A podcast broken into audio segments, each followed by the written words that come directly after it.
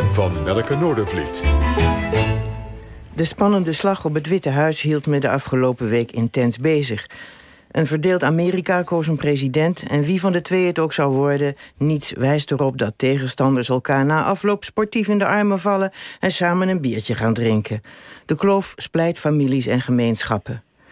Mijn gedachten gingen terug naar 5 en 6 november 1968, toen de strijd ging tussen Nixon en Humphrey. Ik studeerde in Leiden. Als ik het me goed herinner, was op die avond de sociëteit geëmancipeerd. Dat wil zeggen dat ook vrouwelijke studenten welkom waren. Nu stonden de Leidse studenten niet bekend om hun enorme politieke belangstelling. Over het algemeen volgden ze gedwee de liberale lijn van hun brave vaders. Erg veel revolutionaire kracht school er niet onder de heren en dames. In mij al wel, maar ik was een van de weinigen. Het was onmogelijk in 1968 niet aangeraakt te worden door de omwentelingen van dat jaar en die tijd. Ik was in mei naar Parijs geweest om daar met eigen ogen te zien hoe onder het plaveisel het strand lag.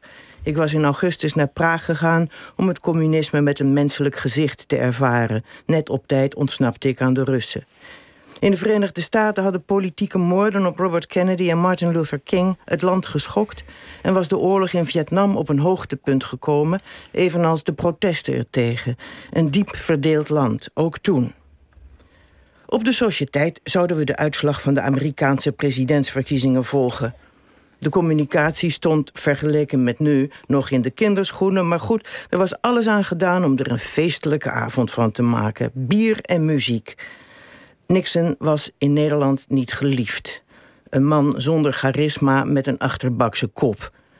Nu had Humphrey niet veel meer charme, maar hij was tenminste democraat. Het was een spannende strijd. De ochtendkranten laten Humphrey nog een voorsprong nemen, maar uiteindelijk won Richard Nixon. Rechts-Amerika was sterker dan wij protesterende bloemenkinderen dachten. De avond zakte in als een mislukte soufflé. Ik was alleen gekomen, mijn ziel had ik onder mijn arm. Het was mijn verjaardag, maar dat heb ik nooit een feest gevonden. En nu had die plaatboef Nixon ook nog eens gewonnen. De muzikanten plukten lusteloos aan hun instrumenten. Ik maakte een praatje met Ben Webster, de beroemde saxofonist, de enige echte Amerikaan in de zaal. Hij was niet blij. Hij was helemaal niet blij. Hij boog zich over zijn sax, ademde diep in. Zachtjes en treurig speelde hij Ill Wind. Nu zou hij vast opgewekt een uptempo It's Wonderful spelen. Ja, Nelke, geweldig. Ja. Als we het geweten hadden, hadden we het nummer klaarstaan. Ja, zo. We hebben nu een ander geluidsfragment.